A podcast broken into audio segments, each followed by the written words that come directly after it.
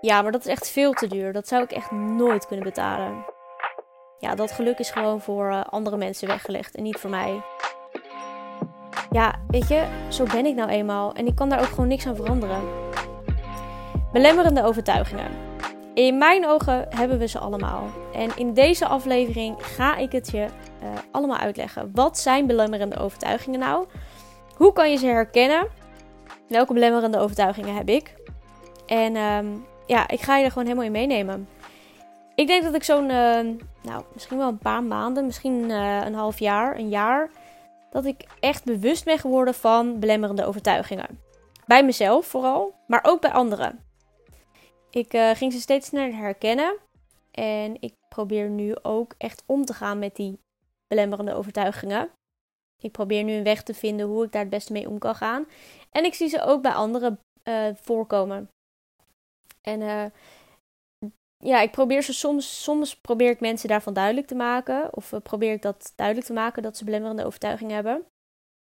En uh, niet iedereen staat ervoor open. Dat snap ik. Dat is ook logisch. Want de een staat er wel voor open en de ander niet. En uh, ja, de een zal daar nooit achter komen wat dat zijn en wat dat is en hoe je daarmee om kan gaan. En de ander zal daar heel snel mee eh, om kunnen gaan. En dat heeft te maken met, denk ik, hoe open je daarvoor kunt staan en wilt staan. Maar uh, de een zal dat sneller doorhebben dan de ander. En dat is ook allemaal oké. Belemmerende overtuigingen, wat zijn dat nou eigenlijk? In mijn ogen zijn belemmerende overtuigingen overtuigingen die je belemmeren. Ja, het woord zegt het zelf al.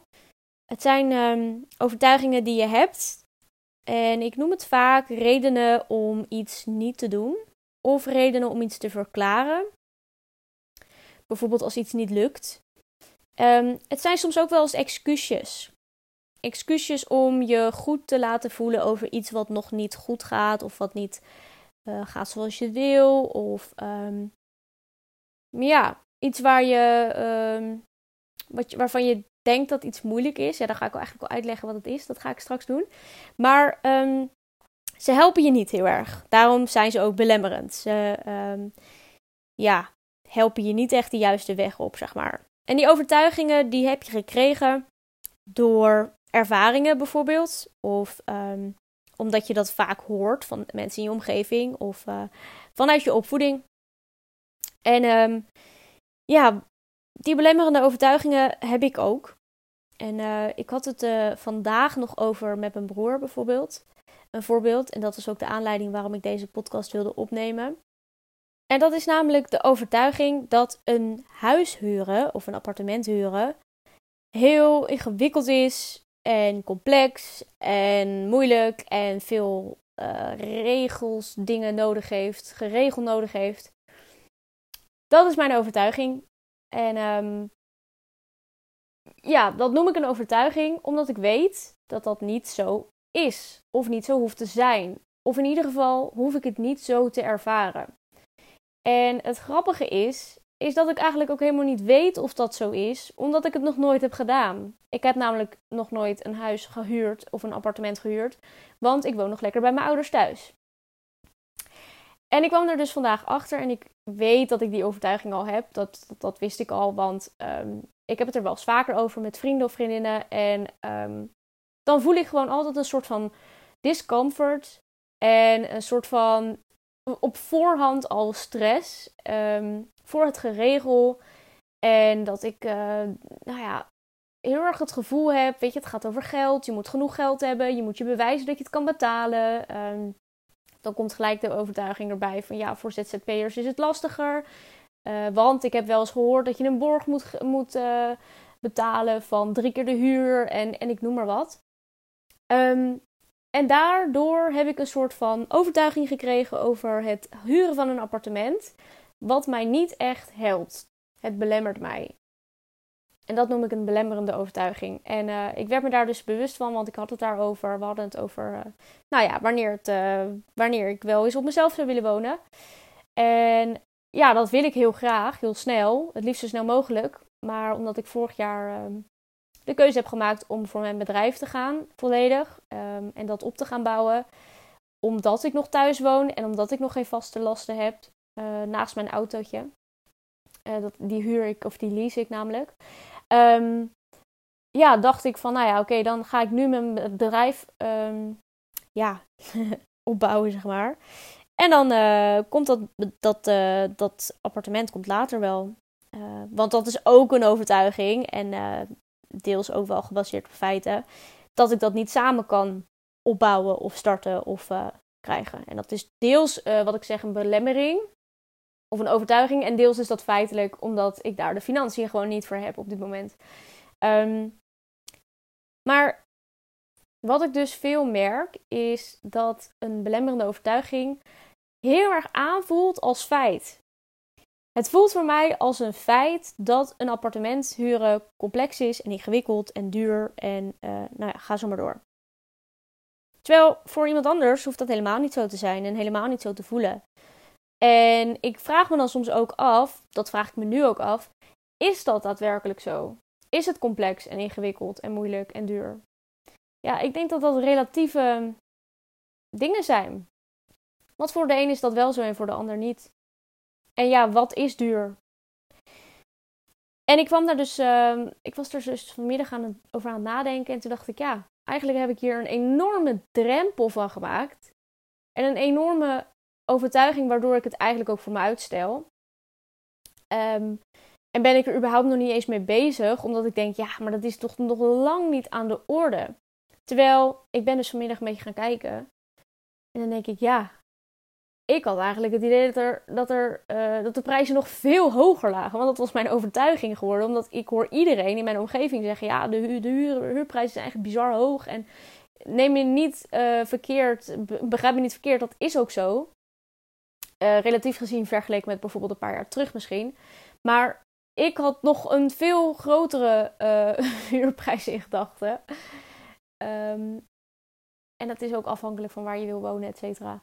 Maar goed, um, dus dat was de overtuiging die ik had. En uh, die klopte dus eigenlijk niet helemaal. En dat vond ik eigenlijk wel grappig om te merken. En daarom dacht ik dus, ik neem deze podcast op.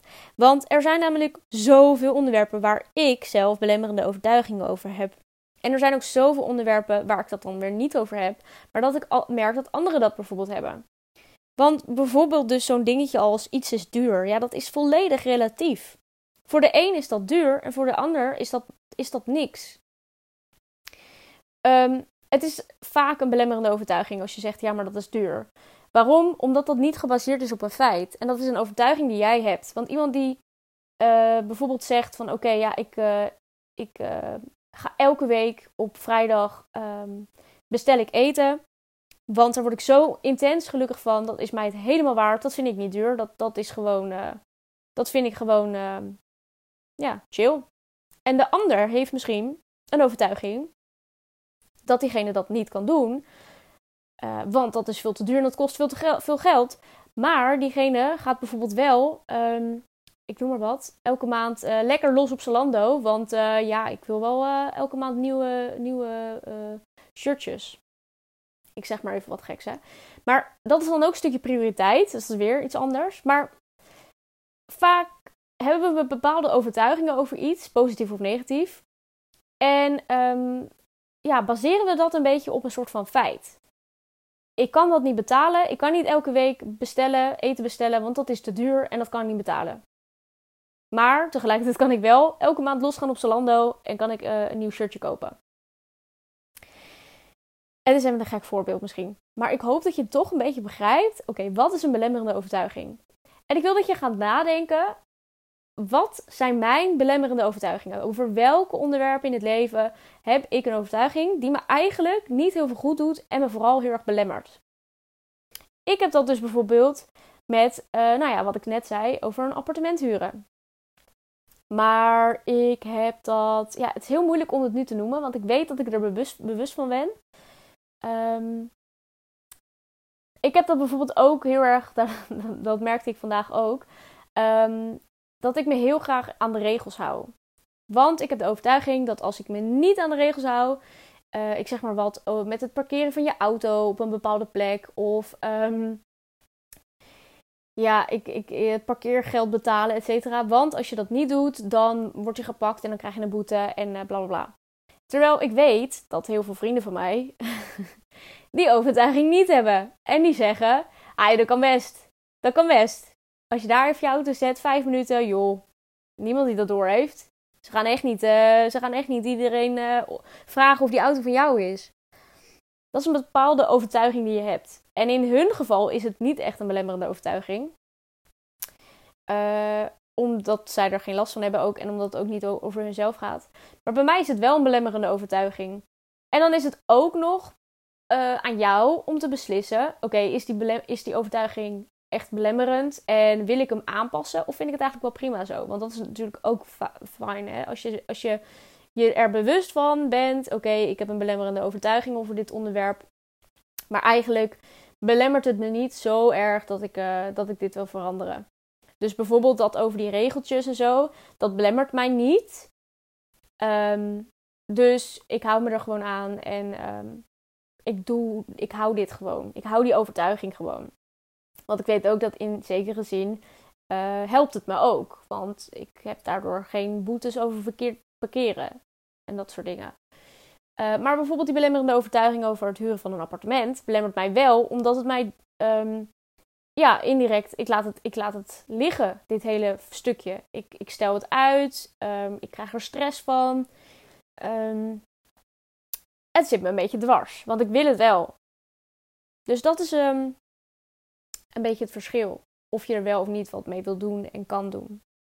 Maar het is heel interessant om eens na te gaan. Oké, als je sterke mening over iets hebt, dat je nagaat, en dat is inderdaad vaak zo als je dus merkt dat je een hele sterke mening over iets hebt, dat je in gesprek gaat met jezelf, of met iemand anders natuurlijk, dat kan ook, die een andere mening heeft, dat je nagaat, oké, is dit een belemmerende overtuiging of is dit berust op een feit? Want dat kan natuurlijk ook, hè? Dat je gewoon een mening hebt en dat je weet dat het zo is, omdat het, omdat het gewoon een feit is. Maar het is super interessant om dat na te gaan en om te kijken: oké, waarom. En het is ook heel interessant om dus te vragen: waarom weet, denk ik dit? Bijvoorbeeld uh, over die appartementen huren. Waarom denk ik dat dat zo moeilijk en complex en, en duur is? Omdat ik dat niet anders hoor in mijn omgeving. Het kan ook zo zijn dat je met mensen omgaat die eigenlijk daar heel makkelijk over denken. En die daar niet echt een belemmerende overtuiging over hebben. Dat kan. Dan heb je een hele andere mindset gekregen, een hele andere gedachtegang. Het is super interessant om dat uit te zoeken. Dus ik wil je bij deze een soort van opdracht meegeven. Ga de komende weken, de komende dagen, uh, als je dus heel erg een sterke mening over iets voelt, ga in jezelf na: oké, is dit echt zo? Of vind ik dit en is dit eigenlijk een beetje een belemmerende overtuiging? Ik ben heel benieuwd hoe jij dat gaat ervaren en of je het gaat herkennen. Wees niet bang. Het gaat niet in één keer van de een op de andere dag uh, dat je het heel makkelijk herkent en dat je er wat mee kan. Dat kost best wel moeite. Dus als je er iets van opmerkt, dan ben je al een hele grote stap verder. Dus um, ja, speel ermee en zie het als een soort van uitdaging. Probeer jezelf um, beter te leren kennen door je belemmerende overtuigingen te ontdekken. En ik zou het super leuk vinden als je dat terugkoppelt. Als je wat hebt gevonden wat je met mij wilt delen. Um, of gewoon dat je zegt: Hey Kim, ik heb een belemmerende overtuiging gevonden. Thanks, ik ga ermee aan de slag. Of niet, hè? dat kan natuurlijk ook. Laat het mij weten, ik ben heel erg benieuwd. En uh, ja, ik hoop dat je dit uh, leuk vond en leerzaam en interessant. Ik vind het namelijk echt een heel interessant iets. Belemmerende overtuiging, ja, ik, ik raak er niet over uitgepraat. Ik kom er natuurlijk ook heel erg tegen met mijn ondernemerschap. Als, uh, als ik probeer uh, iets te verkopen, bijvoorbeeld in een salesgesprek, hoor ik heel veel belemmerende overtuigingen. Ik heb geen tijd, ik heb geen geld, het is niks voor mij, ik weet niet of ik er alles uit kan halen. En het leuke hiervan is, is dat ik hier uh, allemaal vragen op terug kan stellen, die, die mensen um, doet helpen om beter na te denken over die overtuiging. Want is het daadwerkelijk nu niet de juiste tijd? Is er überhaupt iets zoals de perfecte tijd? Weet je, dat soort vragen gaan eigenlijk de, de belemmerende overtuiging in de weg. Die gaan dat uitzoeken en die maken hem eigenlijk langzaam kapot. Want de antwoorden die daarop komen, zijn, zijn antwoorden die eigenlijk tegen, tegenstrijdig zijn aan de belemmerende overtuiging. En dat is super interessant om te merken. En zeker als jij natuurlijk de vraagsteller bent. Dus ehm, ga ook lekker het gesprek aan als je bij iemand anders bijvoorbeeld een belemmerende overtuiging ehm, tegenkomt. En ga dan vooral samen ontdekken met behulp van vragen. Want het heeft geen zin om te zeggen: ja, je, bent nu een, je hebt nu een belemmerende overtuiging. Ehm, en soms wel, maar meestal niet. Maar het is echt ontzettend interessant. Tenminste, ik word hier helemaal enthousiast van, dat merk je wel. Oké, ik ga hem afronden. Ik wil je super erg bedanken voor het luisteren naar deze podcast. Laat me zeker weten wat je ervan vond.